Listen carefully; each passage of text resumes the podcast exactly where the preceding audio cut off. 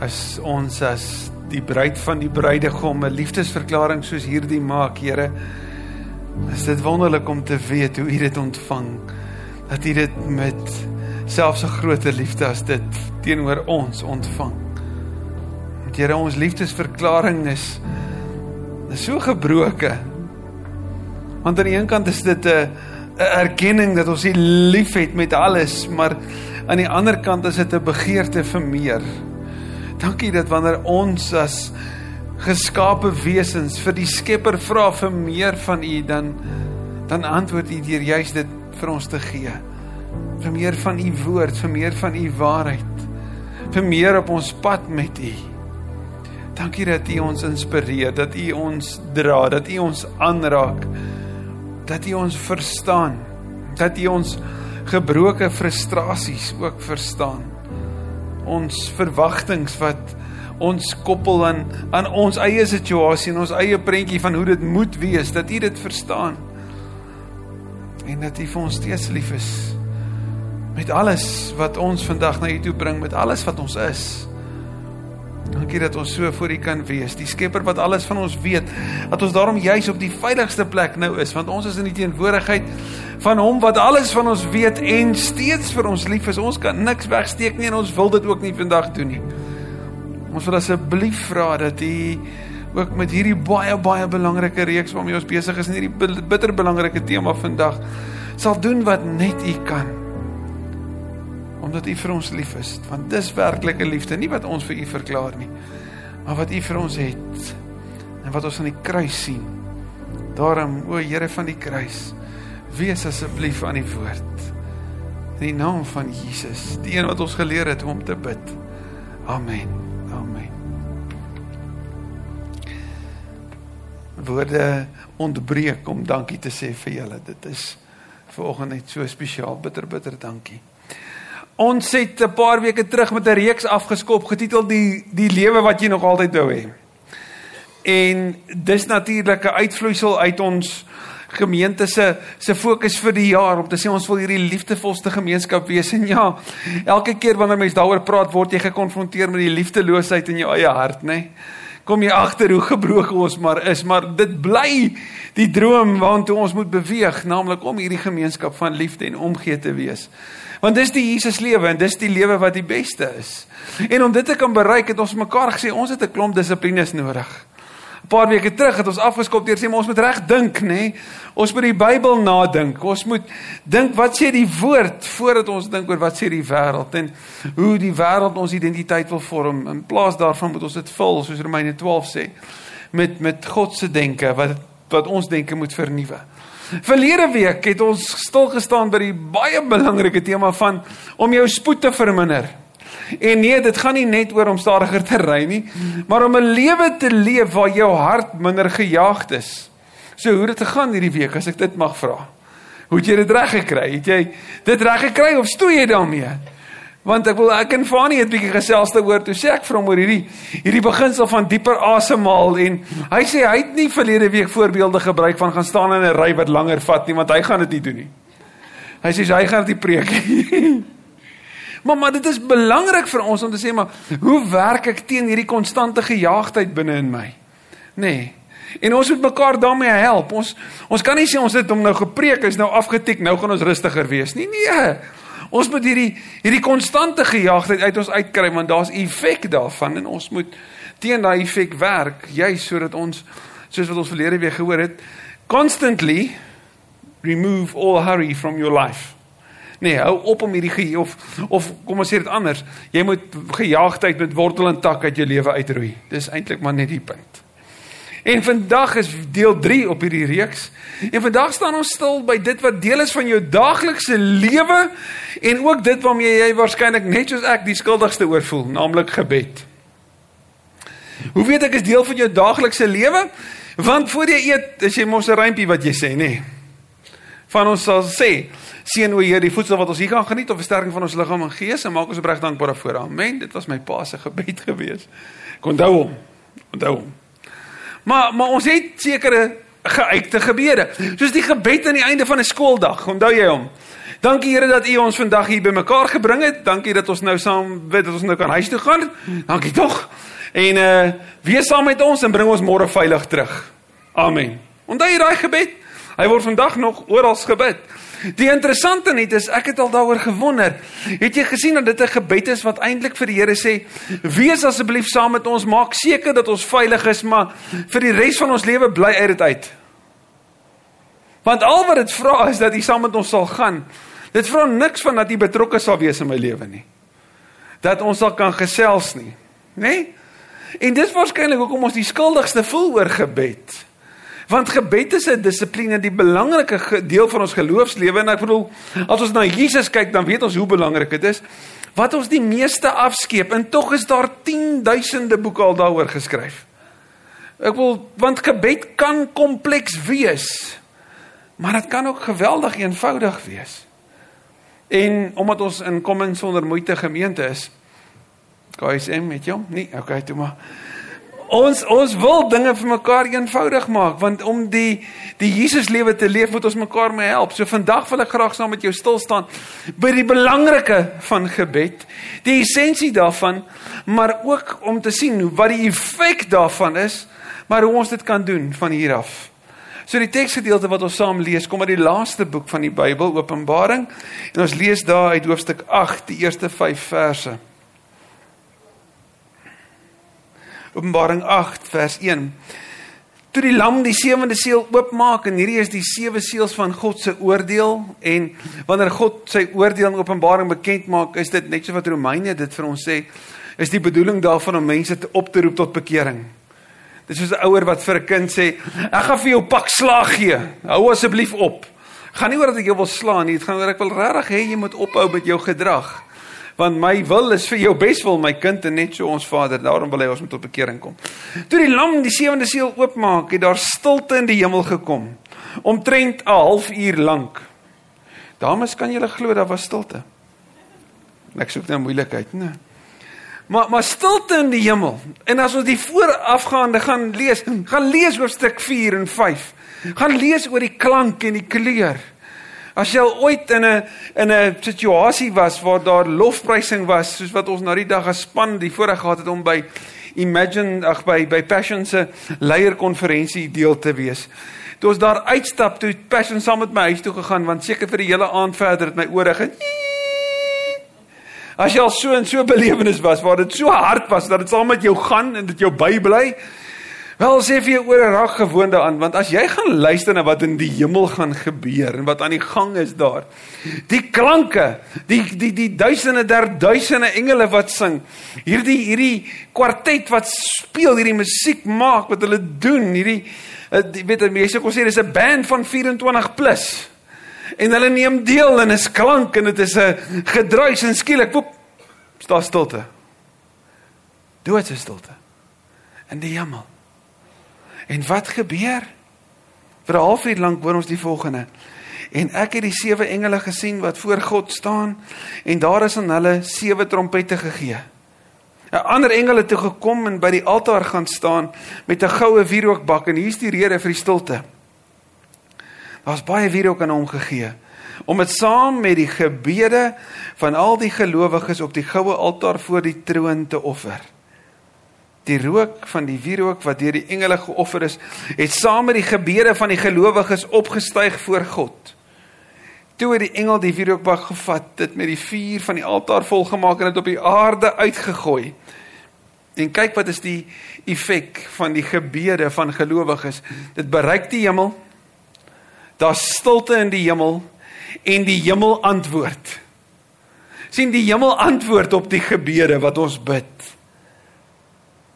daar het donderslae, dreenings, weerligstrale en aardbewings gekom. Gebed. Die groot groot voorreg wat ons het om met die Skepper te kan praat.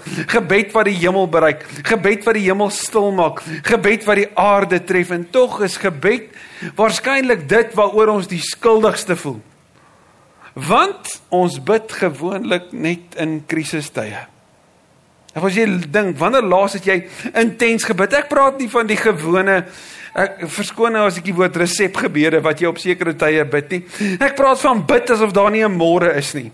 Bid met 'n intensiteit waarin jy so aan die Here vashou omdat jy aan niks anders kan vashou nie. Dan was dit waarskynlik in 'n krisisseisoen in jou lewe. Toe jy nie geweet het hoe môre gaan gaan uitspeel nie. Toe jy nie geweet het wat gaan kom nie. Toe jy daai toetsuitslae gekry het of daai daai nuus gekry het of toe iets in jou verhoudingslewe gebeur het.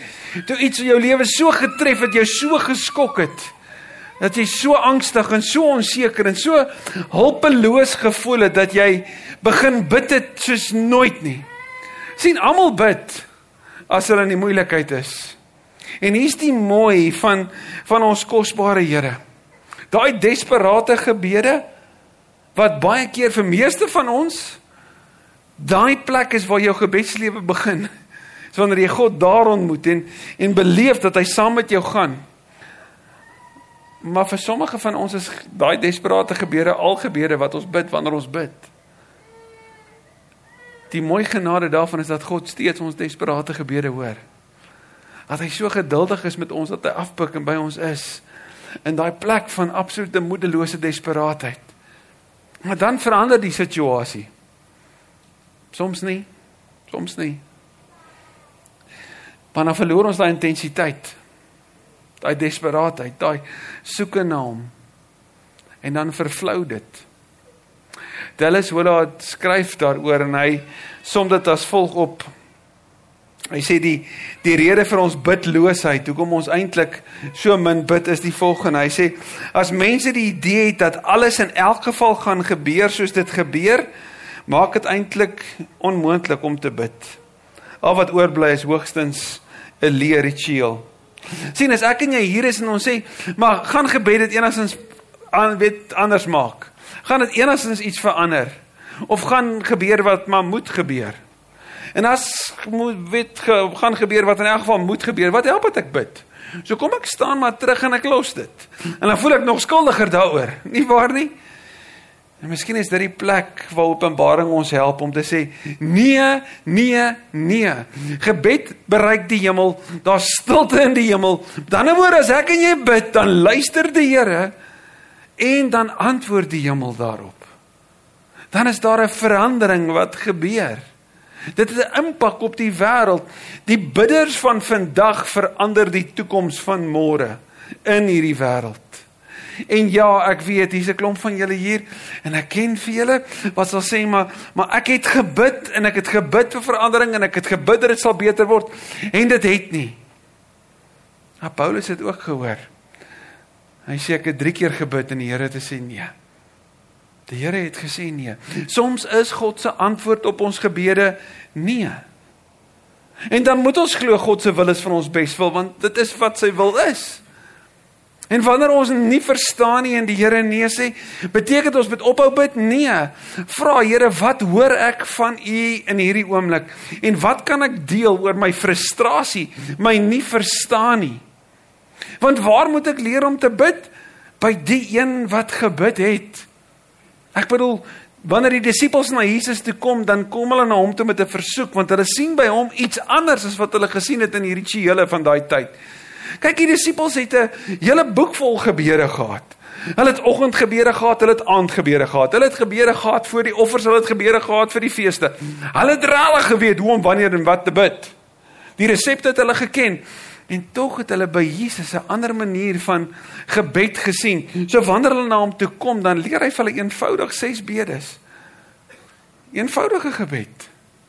Maar hy leer vir hulle die essensie daarvan, want hulle het gesien hoe gebed Jesus se bediening en sy lewe vorm. Jesus het vanuit gebed geleef. Hy het sy dag met gebed begin. Hy het geleenthede geneem waar hulle weggekom het om aan gebed te wy. Hy het geëet nadat hy gebid het en die seun gevra het. So gebed was deel van Jesus se daaglikse lewe. Nou raai wat? Jesus het vir 3 jaar lank het hy geleer, mense geleer. En raai wat se bediening het hy toe voortgesit daarna? As jy Romeine 8 gaan lees, ek wil jou dit so van harte aanbeveel om dit te lees, nê? Gaan jy iets van Jesus se bediening sien wat nou al vir meer as 2000 jaar aan die gang is. 3 jaar lank het hy bediening van lering gehad. Hy het natuurlik gebed gemodelleer. Maar kyk mooi daar in Openbaring 8. Ag nee, Openbaring 8. Het het jy die Romeine 8 teks? Het jy hom? Daar's hy. Die volgende ene. Het jy die volgende ene? Daar's hy.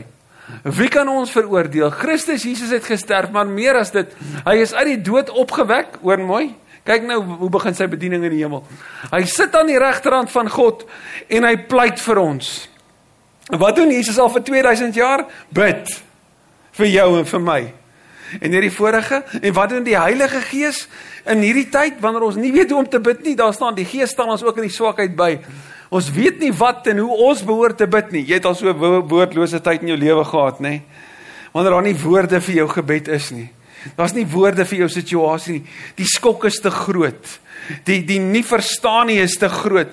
Die frustrasie, die teleurstelling, die afstand, die stilte, noem dit wat jy wil. Dis net te oorweldigend. Dan staan daar wanneer jy nie weet hoe om te bid nie en daai woordlose tye. Die Gees staan ons ook in ons swakheid by. Hy pleit volgens die wil van God vir die gelowiges. In een hoofstuk kom sê Paulus vir die gemeente in Rome, maar kom sê die woord vir jou en my. Die Gees pleit en Christus pleit. Hoor jy dit? Daar's 'n konstante gesprek aan die gang oor jou en oor my en ons kan in daai gesprek net gaan sit en weet dat ons net kan wees. Want die Gees pleit volgens die wil van God. God se wil is vir ons beswil. Jy al ooit daaroor gedink dat die Here aan die gesprek is in die gesprek is met oor jou vandag wanneer jy wakker word? Here weet Vader ons geliefde gaan vandag na 'n moeilike vergadering toe. Ons geliefde het seer. Ons geliefde het frustrasie. Ons geliefde is alleen. Ons geliefde het so 'n dringende behoefte aan. Hæ? Huh? En dis hoe ons kan bid. Want as ons vir mekaar moet vra, nou hoe bid ons? Dis nie kompleks nie. Hier's die belangrike, eenvoudig net dit. Twee belangrike dinge. Maak tyd. Sit jou beste tyd op sy waar jy op jou beste is. Want ek weet daar's dele van die dag waarin ek nie is nie. As jy vir my hier oor middagete net na middagete gaan sê oor jy gaan nou bid, is die kans dat ek dalk 'n middagslaapie mag vang baie groot dan bid ek maar Here dit die woord sê dit u gee dit in ons slaap. So ek gaan nou maar bid. Ek is op my beste vroeg in die oggend, so daai is my beste tyd. Dis gewoonlik ook vreedsaam in die huis. Hier van 5:00 af. Maar my bruid is nie vriendelik of vreedsaam daai tyd van die oggend. Ek moet haar uitlos. Hierdie jaar is ek 21 jaar veilig getroud meeste daarvan was ek gelukkig. Maar spot spot spot was nog die hele tyd bevoorreg om gelukkig en veilig getroud te wees. So ek weet daar sekere tye van die dag wat ek net die koffie aflewer, sweetjie op die kop gee en dan blyk weg. Want hier teen 8uur se kant kan ons omtrent gesels. Hier teen 10uur is hy 'n mens met wie ek by wie ek wil wees. Maar vanaand 10uur moet sy my uitlos. En dan hardloop haar batterye nog sterk. sien ons het verskillende klokke. En as daar 'n middelste tyd wat ons mekaar kan ontmoet. Maar maar haar beste tyd vir die Here gaan verseker nie 5:00 die oggend wees nie. Sy het haar eie tyd. Maar ons moet ons beste gee en en begin net deur begin met 'n klein spasie van 5 minute. En hou by 5 minute vir 'n tyd lank. Moet dit nie vinnig vinnige sê hoorie maar ek het meer om te sê as net in hierdie 5 minute. Nou gaan ek oor na 10 minute toe en môre sê ek regtig nie lus nie en dan los ek dit en oor môre dan het ek weer teruggeval sonder om hierdie dissipline te beoefen elke dag. So begin met 5 minute. Sit dit op sy en wees toegewy daarin. Maar waar begin ek? Wees net eerlik. Ai, een van die diepste begeertes van 'n ouer is om te hoor wat leef in die harte van jou kinders. En en hy middelste seun van ons, nê, nee, as ek hom gaan haal in die middag by die skool as ek die voorreg het om dit te kan doen en ek sê vir hom, "Brian, hoe was jou dag?" OK. Stilte. En dan so ek kan al begin ander vrae vra. Brian sê gou vir my, wat was die beste? Wat is die lekkerste vir jou van vandag gewees? Dan kry ek 'n bietjie meer woorde soos uh nie eintlik veel nie. Hoekom wil ek weet? Is ek nuuskierig? Ja. Maar wat? Want ek wil met jou gesels. Ek is lief vir jou, Leeu. Ek wil hê ons moet chat. Wat gaan in jou hart aan? Wat wat frustreer jou? Wat verstaan jy nie? Wat wat jou bly gemaak? Jy mooi girl gesien. Wat ook al. Wat gaan in jou hart? Ek wil dit weet. Want daar's verhouding. So wat kan ek doen as ek by die Here kom sit? Ek kan dood eerlik wees oor wat hier binne aangaan. Here, ek is gefrustreerd. Here, ek verstaan nie. Here, ek is bang. Here, ek besef ek het 'n verskriklike begeerte dat mense van my hou. Ek weet nie waar dit vandaan kom nie. Ek sal nooit vergeet nie in een van die oggende wat ek so stil word en ek met die Here praat oor wat hier binne gaan. En dit ek het nogal deur 'n moeilike tyd op daai stadium gegaan en ek dog toe dit gaan nou die oggend wees wat die Here vir my kom sê ek sien jou raak jy's vir my baie spesiaal. Weet jy jy so 'n oomblik het jy so behoefte. Daai oggend toe ek so gaan bid toe sê toe beleef ek die Here sê vir my okay Smith ons werk vandag 'n bietjie met jou trots Dit was ek van too soon. Regtig. En weet julle waaroor die trots gegaan? Die Here ontbloot toe in my hart vir my die trots wat ek beleef om 'n man vir my vrou en 'n kinders vir my pa, 'n pa vir my kinders te wees. Hierdie belewenis van ek wil regtig die beste vir hulle wees wat ek kan. En daar's niks verkeerd daarmee behalwe dat as ek begin dink ek is nie. En as jy begin dink jy is, dan begin jy dink dat hulle jou nodig. En dan op 'n manier maak dit dit moeilik vir hulle om 'n verhouding met jou te wees. Ek wil ek het in my lewe gedink ek kan dit vir ander moeilik maak om saam met te wees nie, maar daai oggend kom wys die Here dit vir my. sien is daai kosbare oomblikke van ontmoeting wat jy hoor wat jy moet hoor wanneer jy bereid is om blaatant eerlik te wees oor wat hier binne aangaan. Waarin jy die Here regtig ontmoet. Ek wil jou dit van harte aanmoedig. Begin net daar vir 5 minute. Sê vir die Here wat op jou hart is.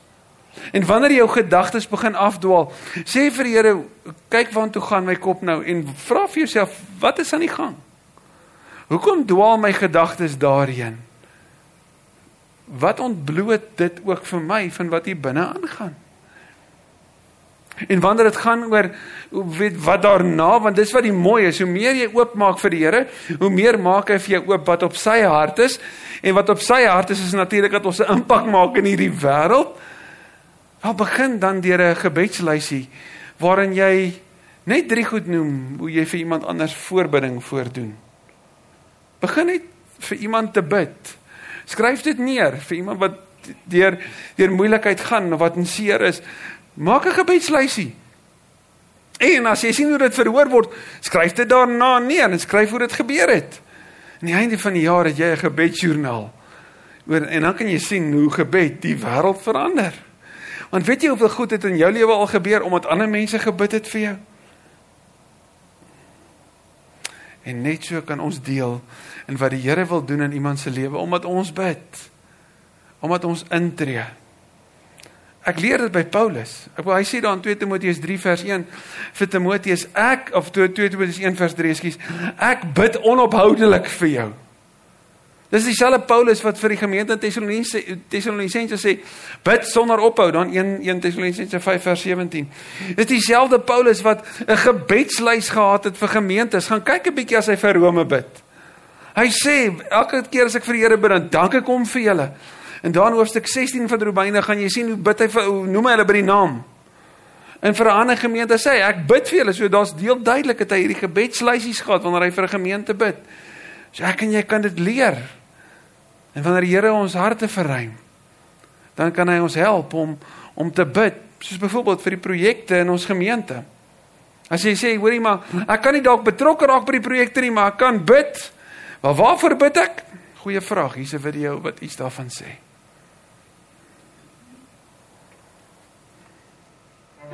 Hoe lyk 'n liefdevolle gemeenskap? Miskien lyk dit soos 'n groot poging wat duisende mense op 'n slag raak. Miskien sien jy dit raak in 'n kind wat lewenslank net verwaarlosing en verlies beleef het en nou vir die eerste keer hoop vir 'n nuwe toekoms kry. Miskien sien jy dit raak in 'n sendeling wat alles wat sy ken verlaat om mense wat Jesus nie ken nie van hom te vertel. Vir jou mag dit dalk die vorm aanneem van 'n brandstofkupon en 'n skoon stel klere wat hande verwissel, sodat iemand daardie eerste onderhoud 'n jaar agter geslote deure kan aandurf. Hierdie prentjie lyk vir elkeen anders. Soms is die gebaar groot. Soms is die struikelblokke baie moeiliker om raak te sien. Maar wat konstant dieselfde bly, is dat ons saam 'n aandeel aan Jesus se droom het om met vrymoedigheid vir behoeftiges te sorg, hulle toe te rus, hulle aan te moedig en hulle op te hef. Met ander woorde, om hulle lief te hê. Guys, em is waar die nood is en daar is mense wat bid vir iemand soos jy om raak te sien hoe jy 'n verskil kan maak. Ons as gemeente is betrokke by 22 projekte in die omgewing waar ons veral met kinders, tieners, bejaardes en kwesbares werk. Kerk sonder mere bied deur Social Upliftment Services 18A belastingaftrekkingsvoordele en strategiese swart ekonomiese bemagtigingsstrukture. Besoek ons webblad vir meer inligting en om aan te meld. Jesus sê die oes is groot, die arbeiders is min. Bid die Here van die oes dat hy arbeiders sal stuur en net daarna dan sê hy, "Gaan nou." So hulle word die antwoord op hulle gebed. Maar begin deur te bid.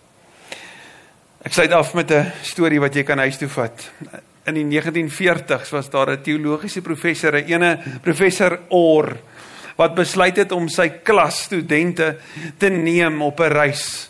Hy het hulle gaan blootstel aan al die ou groot figure van die van die reformatie, dit waar waaruit ons kerk natuurlik vanaf kom. Die die groot gebeurtenisse in die kerk en en hy neem hulle toe na John Wesley se huis toe, daar in Engeland. En toe hulle in John Wesley se huis instap, wil die studente natuurlik sy studeerkamer sien. Wat sy boeke het hy gelees en weet hoe die boeke gelyk en hulle het aan dit gevoel en gevat. En later is hulle op met die met die trappe om na John Wesley se slaapkamer toe te gaan en toe hulle so om sy bed staan, toe het een van die studente toe hy daar staan afgekyk en toe sien hy twee skaafmerke langs mekaar op die mat. Die mat is verweer van wie hierdie twee merke en hy vra toe vir die professor, "Prof, weet jy dalk wat hierdie is?" Hy sê daar word vertel dat John Wesley iemand was wat elke dag vir ure lank gebid het vir herlewing dat herlewing sou uitbreek, dat mense by by Jesus sou uitkom, dat hulle hom as Messias sou ontdek, dat daar herstel sal wees vir huwelike, vir gesinne, dat daar herstel in hierdie wêreld sal kom, maar meer nog dat daar 'n brandende begeerte sal wees vir hom. En toe hulle klaar is en die studente afstap om in die bus te gaan klim, toe sprof oor daaronder en hy wag nou maar soos die studente opklim en hy tel hulle nou maar en hy sien maar een kort En hy gaan kyk binne in die studeerkamer is daar niemand nie, onder in die huis is daar niks. Nou gaan hy op in die trappe. En toe hy bo by die bed kom, toe's die student op sy knieë besig om te bid. En die woorde wat hy bid is doen dit weer, Here. Doen dit weer. Doen dit asseblief weer en begin by my. Doen dit asseblief, Here. Doen dit weer. En prof Oor kom staan so by die student en hy sit sy hand so op sy skouer. Hy sê vir hom: "Dis tyd, ons moet gaan." En toe staan Billy Graham van die grond af op. En hy stap saam met hom af. En die Here het dit gedoen. Hy het dit gedoen. sien wanneer ek en jy bid, dan beweeg die hemel. Verlede week in 'n in 'n dorp met naam van Asbury in die staat Texas in Amerika kom 'n klomp studente op 'n woensdag aand bymekaar vir die weeklikse erediens en lofprysing. En daar's nie groot akoestiek nie, daar's nie baie groot skerms, daar's niks wat jy sou kon sê manipulerend is nie. Dit is 'n 'n gebou waar studente bymekaar is en selfs die stoele is nie so so gemaklik soos die stoele waarop jy sit nie.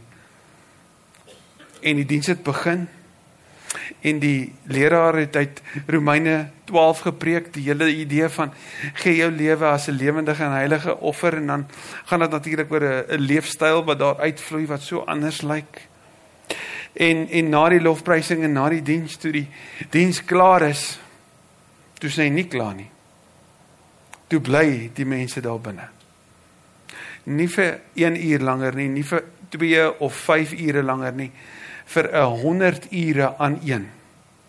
Het die studente daar binne gebly. Mense het later gehoor daarvan en ingekom. En daar in Asbury het mense hulle lewe vir die Here gegee.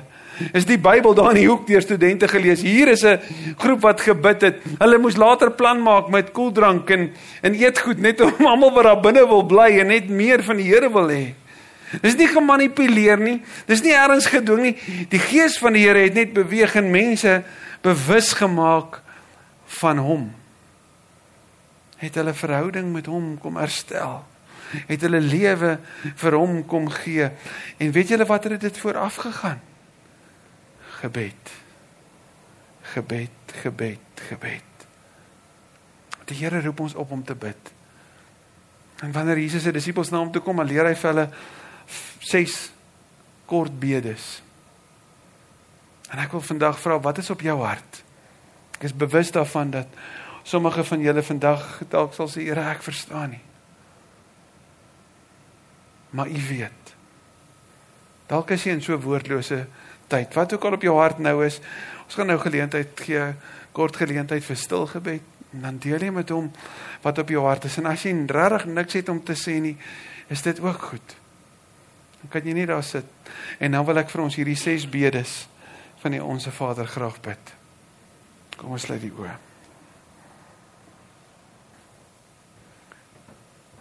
Vader, dankie dat ons kan rus in die feit dat ons 'n Vader het wat gans anders is. 'n Vader wat ons liefhet. Wat oor ons dink en oor ons praat en met ons praat. Ons Vader wat in die hemel woon. Ons bid dat U naam deur ons mense hier op aarde werklik geheilig sal word. Ons bid dat U koninkryk hier tussen ons sal kom dat die koninkryk sal uitbrei dat die koninkryk die uithoeke van die aarde en die diepte van gemeenskappe sal bereik. Ons bid vir u wil, Here. U wil wat ons nie altyd verstaan nie, maar ons weet vir ons beswil is. Ons bid dat u wil sal geskied in ons lewe en deur ons lewe. Ons bid vir die brood vir vandag.